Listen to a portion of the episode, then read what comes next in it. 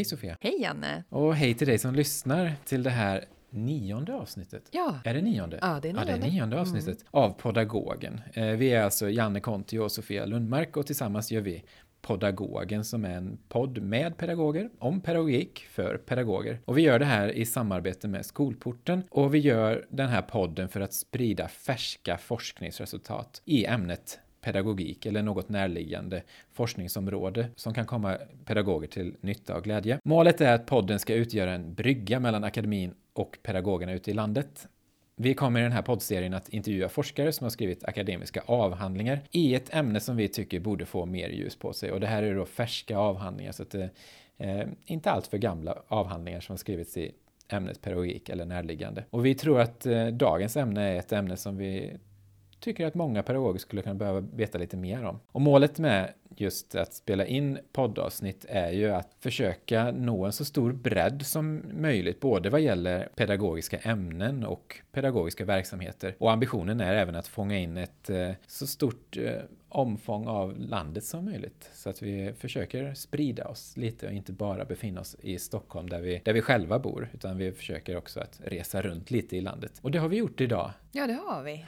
Och dagens ämne, vad är det Sofia? Jo, dagens ämne är någonting som vi som sagt tror att många skulle behöva veta lite mer om och vi vet att det också är många som är nyfikna på det här området och som också kan möta en lite ny lyssnargrupp för oss. För dagens ämne är matematik, didaktik och planering. Vi har träffat en forskare som heter Helena Grundén som har studerat matematikundervisning. Och genom sin avhandling så har Helena fördjupat förståelsen också för en dimension i matematikundervisningen som kanske inte har varit så beforskad sedan tidigare och inte så många vet så mycket om. För det handlar om eh, planering och hon har försökt att fördjupa dem, den kunskap som finns kring hur matematiklärare planerar sitt arbete. Och det här är ju en väldigt viktig del för väldigt många lärare. Alla lärare vet att planering är någonting som är väldigt centralt. Men det är också en del som vi vet väldigt lite om. Det är som en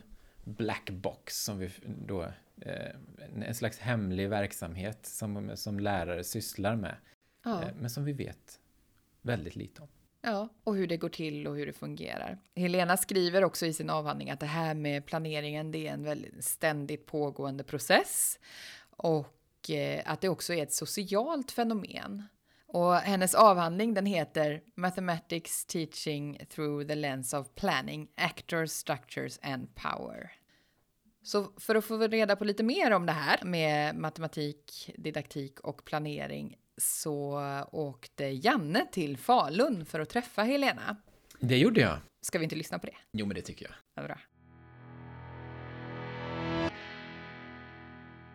Ett eh, väldigt vackert eh, Falun som välkomnar oss idag. Och kul att få träffa dig, Helena Grundén, eh, som har skrivit en avhandling som heter Mathematics Teaching Through the Lens of Planning, Actors, Structures and Power. Och vi brukar i de här intervjuerna börja i den änden att eh, vill du förklara din titel? Jag trodde länge att min titel skulle vara någonting där planering av matematikundervisning kom först så att säga eftersom det är det jag har, tycker att jag har hållit på med under mina år som doktorand. Men jag kände ändå när jag skulle sätta titeln att det var ju, jag ville ju säga någonting, inte bara om planeringen utan jag tyckte att jag kom lite bortanför det och faktiskt kunde säga någonting om matematikundervisning i stort.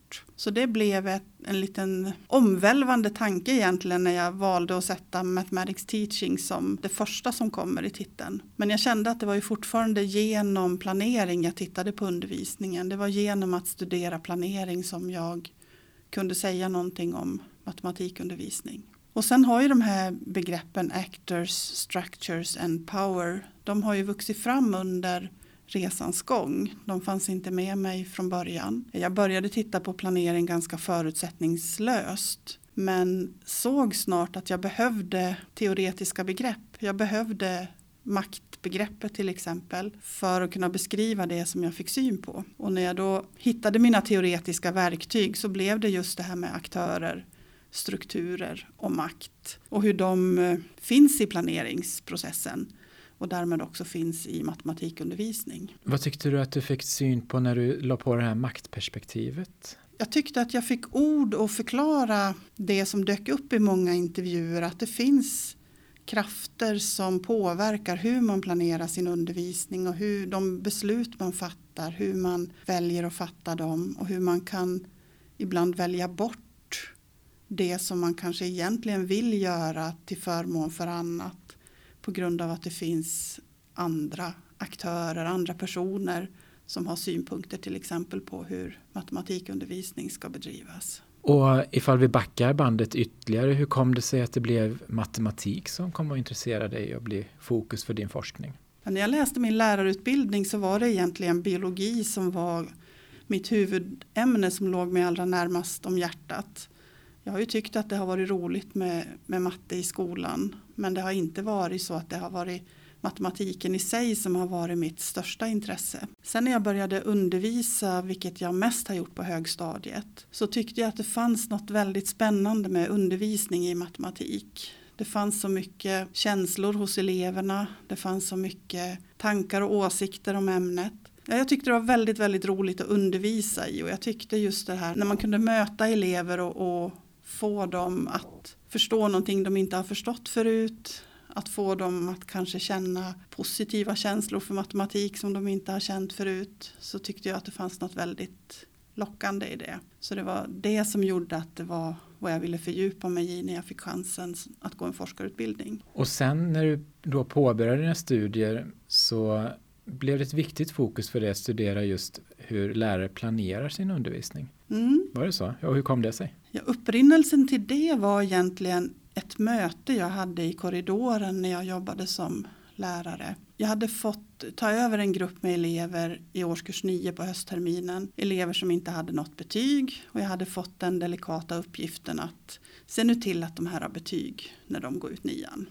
Och det här var en grupp på jag tror att de var 15 elever ungefär som eh, kanske inte hade jättepositiva inställningar till ämnet men de var ändå väldigt roliga att jobba med. De, de kom på lektionerna, de eh, jobbade med det jag ville att de skulle jobba med och jag kunde se att de också gjorde stora framsteg. Även om vi fick backa bandet mycket och och eh, börja om med vissa saker. Sen var det kanske några veckor innan jul så mötte jag min rektor i korridoren och min rektor frågade mig Men du Helena, hur, hur går det för den där gruppen nu? Blir det något betyg? Och jag sa det att Eh, ja, det är jag ju lite tveksam till om vi hinner det redan till jul men eh, vi jobbar på, de gör framsteg så det är ju mitt mål att det ska vara så till sommaren sen, sa jag.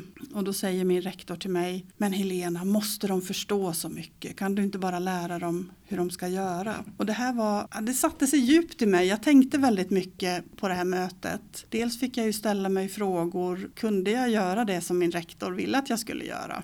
Och det kände jag att det kan jag inte göra. Jag är säker på att jag hade kunnat på tisdag eftermiddag tala om för de här eleverna att nu ska vi ha prov, de här sakerna kommer på provet, ni ska göra så här. Så jag är säker på att de flesta hade fixat det. Men jag kände att mitt uppdrag var lite större än så. Jag ville ju också att de skulle klara sig i sin matematikundervisning när de kom till gymnasiet sen också. Så att jag tyckte inte jag kunde göra det som rektorn bad mig om. Och jag började redan då tänka på vad var det som gjorde att jag kunde stå emot det rektorn ville att jag skulle göra. Vad var det som låg bakom att rektorn hade den önskan. Hur fattar vi våra beslut? Varför blir vår undervisning som den blir? Så det var sådana frågor som jag funderade på medan jag var lärare och tyckte att det var spännande att, titta vidare på när jag fick chansen och kände att det kanske var genom ett fokus på planering jag skulle kunna hitta svar på några av de här frågorna. Intressant. Det ligger ofta en eh, historia bakom eh, hur man motiverar varför man har hamnat där man mm. har hamnat bland forskarna. Så det är kul att ta del av. När du sen studerar de här lärarna Finns det något särskilt, något speciellt som utmärkte dem och deras praktik som skilde dem från andra lärare i deras arbete utifrån det som du har studerat och, och ditt intresse? Så hur tänker man på undervisningsplanering i, i, relation till lärarna i de andra ämnena? Finns det något särskilt som pekar ut just matematiken? Nu har jag ju bara tittat på matematiklärare så jag kan ju egentligen inte säga så mycket med säkerhet vad som skiljer dem åt.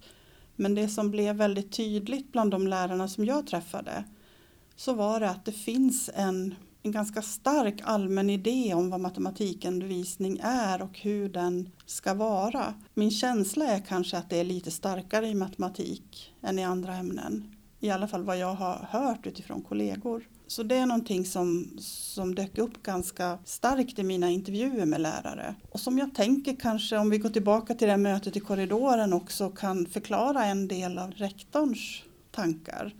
Att kanske var det så att den rektorn hade en idé om vad som var matematikundervisning, hur den skulle bedrivas, som, eh, som såg lite annorlunda ut än, än mina tankar om det. Mycket av de tankarna kanske bygger på nidbilder av vad en matematiklärare är för någonting och vad hon gör. Och jag tänker att det finns ju en bild av matematikläraren som någon som inte behöver planera så mycket utan litar mycket till sina läroböcker och, och hur de är planerade. Men hamnar den bilden och andra nidbilder av matematiklärarna på skam genom din studie tycker du? Ja, nu tycker jag att, att det kommer lite på skam, i alla fall nidbilden av att man inte behöver planera. De lärarna som jag har träffat skulle jag säga att gemensamt för dem är att de har ett väldigt stort engagemang och vill väldigt väl med sin undervisning, vilket jag i och för sig tror att de allra flesta lärare vill. Matematikboken har en stark ställning. Det dyker upp även i mina intervjuer och fokusgrupper. Att man använder den ganska mycket som grunden för sin planering. Men det betyder ju inte att man inte planerar utan man fattar ju sen beslut även om det kanske är, är någon slags ramar kring hur undervisningen ser ut. Och då har du intervjuat, och jag tror att vi kommer återkomma till det, men jag noterar också att du har granskat ungefär 150 nyhets och debattartiklar från 1992 fram till år 2017. Vad ser du i de här debattartiklarna och nyhetsartiklarna som du inte ser när du har pratat med lärarna? Vad ger de som intervjuerna med lärarna inte ger? Jag tyckte att när jag pratade med lärare både i intervjuer och fokusgrupper så fick jag just den här bilden av en allmän idé. Och jag funderade ganska mycket att hur kan man fånga vad en allmän idé är? Hur får man fatt i den? Och försökte läsa mig till andra som hade gjort studier på liknande fenomen. Försökt fånga allmänna idéer i samhället och kom fram till att genom att titta på nyhetsmedia så, så kan man se dem som en representant för den allmänna debatten i samhället. Och kände att ja, men det är nog så jag måste göra för att försöka få fatt i den här allmänna idén. Samtidigt så är ju just nyhetsmedia är ju dubbelt tänker jag. Det både fångar en allmän idé men samtidigt är ju diskursen i samhället också med och formar det som skrivs i media så att det är ju ingen enkelriktad eh, process. Och många gånger så handlar ju nyhets och debattartiklar om att eh, hitta rubriker som är slagkraftiga och nå ut med någonting väldigt tydligt och i många fall så kanske inte det alltid speglar praktiker som kan vara ganska gråa eller hamna någonstans mellan svart och vitt. Mm. Um, men det är ju intressant att du har studerat det också. Uh, om du skulle träffa den här rektorn idag, skulle du hanterat den situationen annorlunda utifrån vad du har studerat eller skulle svaret varit detsamma?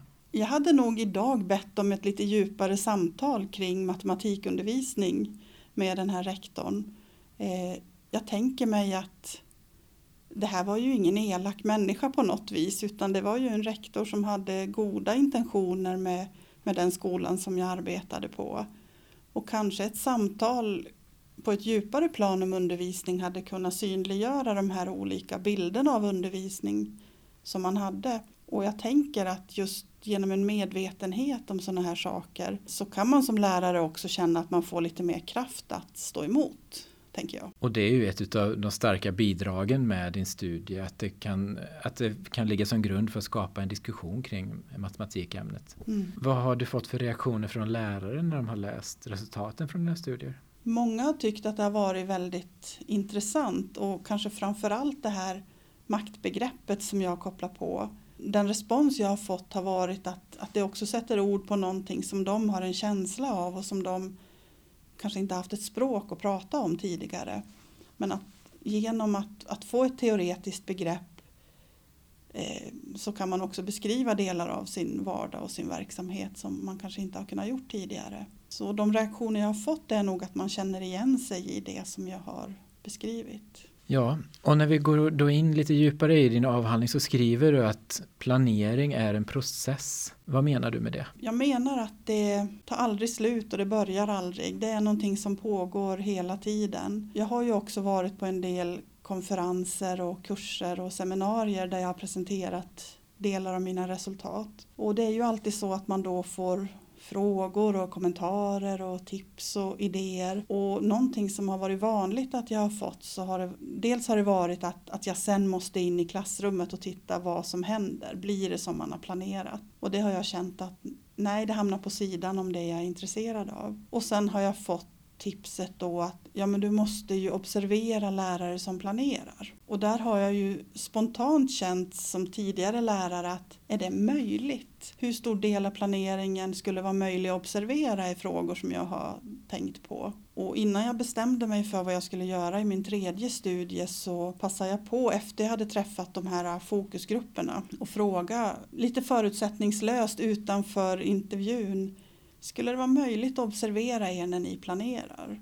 Och de skrattar ju bara åt mig och säger att ja, då måste du följa med mig på semestern och då, då måste du stå med mig hemma i köket när jag lagar mat och mm. så. Och det var ju också lite den känslan jag själv hade att, att det är inte så stor del av planeringen som sker när man sitter vid ett skrivbord och, och skriver ner någonting som ska hända. Så jag tycker att jag fick bekräftelse för att det verkligen är en ständigt pågående process. Mm. Och du skriver också att känslor är en faktor när matematiklärare ska planera. Vill du fördjupa den tanken något? Mm. Och det var ju någonting av det som överraskade mig lite att det dök upp i flera eh, intervjuer faktiskt. Och det handlar om att dels att man pratar om planering på ett ganska positivt sätt. Man pratar om en lustfylld aktivitet, om en kreativ process och man pratar om själva kärnan i undervisning, att faktiskt få tänka ut hur ska jag förklara det här begreppet för en elev. Men man pratar också om en, en frustration över att inte ha resurser att kunna bedriva den undervisning man vet att man borde göra. Men sen är det också andra känslor som dyker upp och det handlar till exempel om att en lärare beskriver hur den pratar med sina elever efter att det har gått ganska dåligt på ett prov. Vad ska vi göra nu? Hur ska vi komma till rätta med det här? Och eleverna säger att ja, men du ska stå vid tavlan, du ska ha en genomgång och sen ska vi ha prov varje fredag. Och eleverna hade en önskan om en väldigt traditionell matematikundervisning. Och det här var en lärare som hade ganska mycket tankar och idéer och visioner om hur den ville bedriva sin matematikundervisning. Men den här läraren valde att gå på elevernas linje men friskrev sig samtidigt lite grann och hade sagt till eleverna att bara så att ni vet, jag står ju inte för det här igen egentligen. Det är inte så här jag vill göra. Och man upplevde att den här läraren nästan kände lite skam över den undervisning som den valde att ha. Och det tyckte jag var var intressant att också sådana känslor kunde förknippas med de beslut man fattade om undervisning. Ja, intressant. Eh, om vi då ska prata lite grann om matematik ämnet i sig, det har ju kommit nu på senare tid att handla väldigt mycket om mätningar. Hur påverkar det lärarens planeringsarbete? Jag skulle vilja börja med att knyta tillbaka till den här mediastudien då, för där var det ju verkligen resultat som pekade i två riktningar. Där det ena pekade mot att man i media konstruerade matematikundervisning som någonting där mätningar och jämförelser och, och prestationer verkligen blev mer och mer framträdande över de här åren som vi tittade på. Samtidigt som det också konstruerades en bild av matematikundervisning som mer och mer varierad där det inte bara handlade om att sitta och räkna i en bok utan det också handlade om kommunikation och problemlösning och praktiska aktiviteter. Och jag tycker att den här bilden också finns i lärarnas berättelser. Det finns förväntningar på att elever ska prestera och deras prestationer ska mätas och jämföras. Men man vet också som matematiklärare att man lär sig matematik bäst genom en annan typ av undervisning än att bara fokusera på de här mätbara kunskaperna. Och det här blir ju spänningar mellan olika önskemål tänker jag. Eh, vems eh, önskemål ska man tillgodose? Vilket kanske var lite grann vad det handlade om för den här läraren som, som uttryckte skam. Att kanske, och det här är mina spekulationer, var det så att eleverna efterfrågade den här mer traditionella undervisningen därför att det är den typen av kunskaper som sen mäts och värderas i standardiserade tester medan läraren hade andra visioner med sin undervisning. Kan du i ljuset av dina studier säga någonting om matematikämnets status? Har den förändrats över tid och hur ser framtiden ut? Det jag kan säga någonting om, det hämtar jag nog ifrån mediastudien igen då. Därför att där tycker jag att det framträder mer och mer tydligt att matematikämnet och kunskaper i matematik blir en nationell angelägenhet på något vis. Jag tror att vi alla känner igen de här braskande rubrikerna från tidningarna om TIMS och PISA-studier och elevers resultat som går ner eller upp och på något vis så, så, ska det säga någonting om nationens tillstånd. Så där tycker jag mig kunna se någonting. I övrigt har jag nog lite svårt utifrån de resultat jag har att, att säga någonting om det. Och eh, om vi går till dina resultat då, vilka är dina viktigaste bidrag med avhandlingen? Jag tycker att en, ett viktigt resultat handlar om just den här variationen i synen på planering, vad planering innebär. Därför att det framkommer ganska tydligt i intervjuerna att planering kan vara att man bestämmer eh, vilka uppgifter i boken man ska räkna, vilka uppgifter man ska gå igenom på tavlan. Eh, en planering kan också vara enligt vissa lärare att, att laminera kort som man ska använda i en praktisk aktivitet. Det kan också vara när man sitter tillsammans med kollegor och bestämmer lite mer långsiktigt hur man ska arbeta med med sin matematikundervisning. Och jag tänker att det här blir viktigt att ta hänsyn till, till exempel i diskussioner mellan lärare och skolledare. Många lärare uttrycker en frustration över att man har för lite tid till planering. Och vad är det som ska hända om man får mer tid för planering? Vad kommer att hända på den tiden tänker jag blir viktigt att man funderar över. Hur bidrar den extra tiden i så fall till att man gör saker som, som verkligen bidrar till en bättre undervisning. Och det tänker jag att man har väldigt olika tankar om och det, det är säkert helt okej okay, men man behöver vara medveten om det tänker jag. Eh, sen tycker jag att ett viktigt resultat är att andra som jag då väljer att kalla för aktörers tankar om matematikundervisning faktiskt får betydelse för vilken undervisning som bedrivs i klassrummet. Det finns ju exempel i intervjuerna där lärare beskriver hur de har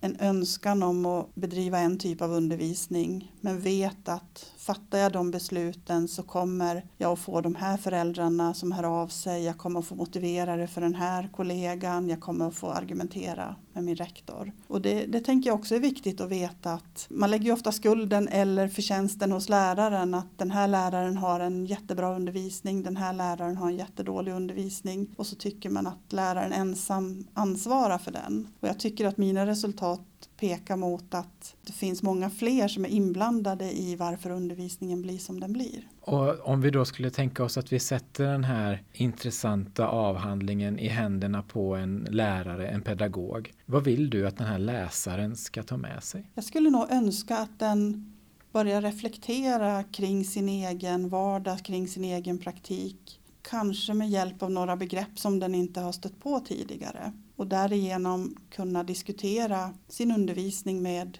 kollegor. Och jag tänker också lite som vi var inne på att genom att börja fundera i de här banorna så kanske man också hittar eh, kraften tillsammans att stå emot vissa synpunkter från andra. Jag tänker mig att en, en lärare i matematik ändå är utbildad och har en del, hel del kunskaper om matematikundervisning som, som inte andra har och att man ska våga eller våga, men att man ska ha ord och kunna stå upp för den profession man har. Jag gillar i alla fall verkligen att läsa din avhandling. Den har ett tillgängligt språk trots att den i stora delar är skriven på engelska. Men om jag ändå så skulle vara lite ovan läsare av avhandlingar, var någonstans tycker du att jag ska börja läsa i din avhandling? Jag tänker att den svenska sammanfattningen ger en ganska bra bild av huvudbudskapet i, i avhandlingen. Så där ska man börja? Där ska man börja tänker jag och tycker man att det verkar spännande så tänker jag beskrivningen av resultaten från studierna också är kanske någonting som man kan eh, tillägna sig. Och Eh, de slutsatser som jag drar och vad jag tänker att det kan få för betydelse för praktiken. Och det blir ju den andra halvan av avhandlingen egentligen som kanske blir mest intressant om man är verksam lärare. Jag själv tycker ju att det är en intressant genomgång av annan forskning som finns av planering där planering ofta beskrivs som en väldigt linjär företeelse. Att först sätter man upp mål och sen bestämmer man aktiviteter och, och så vidare. Och där kanske man känner igen sig lite grann som lärare att det ibland finns i de mallar och modeller som många lärare tvingas använda att man kan känna igen sig där. Men, men det blir nog överkurs för de allra mest intresserade i så fall. Vad, vad är nästa projekt så att säga för forskaren Helena Grundén? Det allra första det blir att ta, ta tag i sånt material som inte fick plats i avhandlingen och då handlar det väldigt mycket om de här fokusgrupperna som jag genomförde med grupper av lärare. Där har jag mycket material som inte är analyserat ännu och det finns mycket intressant i det materialet. Även från mediastudien så finns det resultat som, som jag tycker är viktiga. Till exempel som handlar om vems röst som hörs i media. Vem är det som konstruerar den här matematikundervisningen i media? Men sen tänker jag att jag skulle vilja komma lite närmare praktiken också. Att kanske samarbeta med lärare kring planering. I mina resultat så framkommer det ju att Många lärare upplever att de är väldigt ensamma i den kortsiktiga planeringen. Man sitter ofta tillsammans och planerar långsiktigt men i det som kanske är det svåraste att faktiskt sitta med ett innehåll, sitta med bråk som många lärare lyfter som något, något som var svårt att planera ett innehåll om, så är man ensam i att fundera hur ska jag göra det här på bästa sätt? Och där tänker jag att det finns någonting man skulle kunna kanske utforska utveckla tillsammans med, med lärare i framtiden. Mm.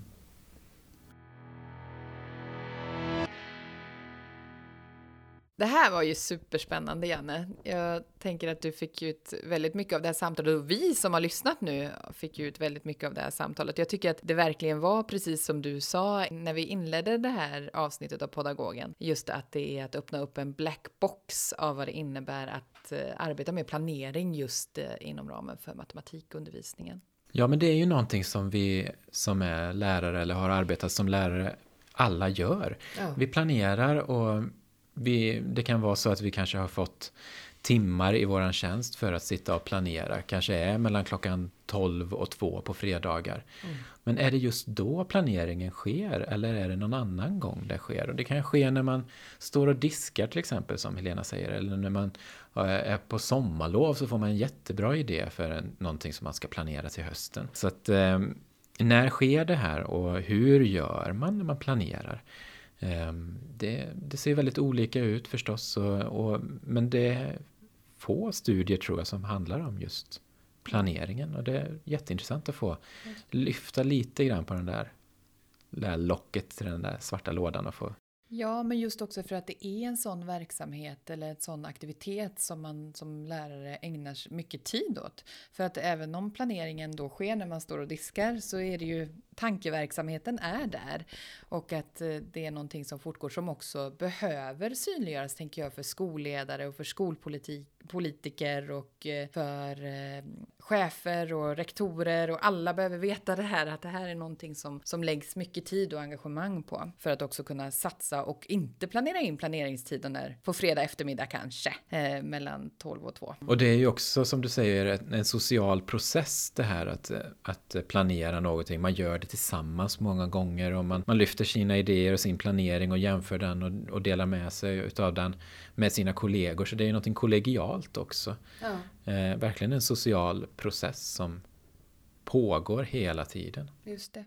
Och precis också som Helena lyfter det här att att den här sociala processen också till viss del handlar om maktdimensioner som kan handla dels om eh, att eh, det finns väldigt många som eh, är engagerade i det här med matematikundervisning och planeringsprocesserna från alla möjliga håll. Att det är skolledare och liksom, det är läroplaner och det, det, det, finns med överallt. Men att det också blir då frågor om hur man, hur man ska kunna som matematiklärare också stå emot kanske ibland andra typer av, av röster som vill markera sina positioner. Så. Sen så tänker jag också att en annan sak som är viktig i relation till det med makt, det är det här med mediebilden av vad det innebär att arbeta med matematik. Där det finns mycket mätningar och eh, eh, undersökningar som man också behöver ta hänsyn till som matematiklärare eftersom att det är något som pågår hela tiden och som påverkar en väldigt mycket. Ja, och som du säger, som man kanske också behöver stå emot lite grann. Och jag tycker att det, det är någonting som, som Helena sätter ljus på, att de här föreställningarna hamnar lite grann på skam. Att eh, det kanske inte är så jätte